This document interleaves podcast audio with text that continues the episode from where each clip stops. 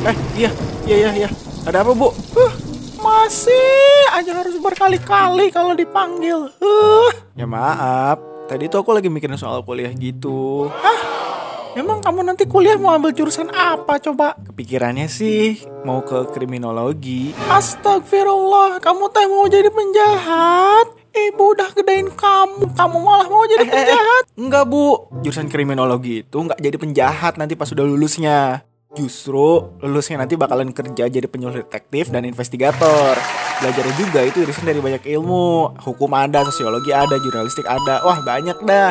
Jadi ujungnya bukan jadi penjahat, justru orang yang analisis soal kejahatan. Ah, alhamdulillah kalau gitu mah. ya udah, yuk bantuin ibu motongin kacang panjang. Aku mau bertabat dulu ya, Bu. Dadah. Astagfirullah,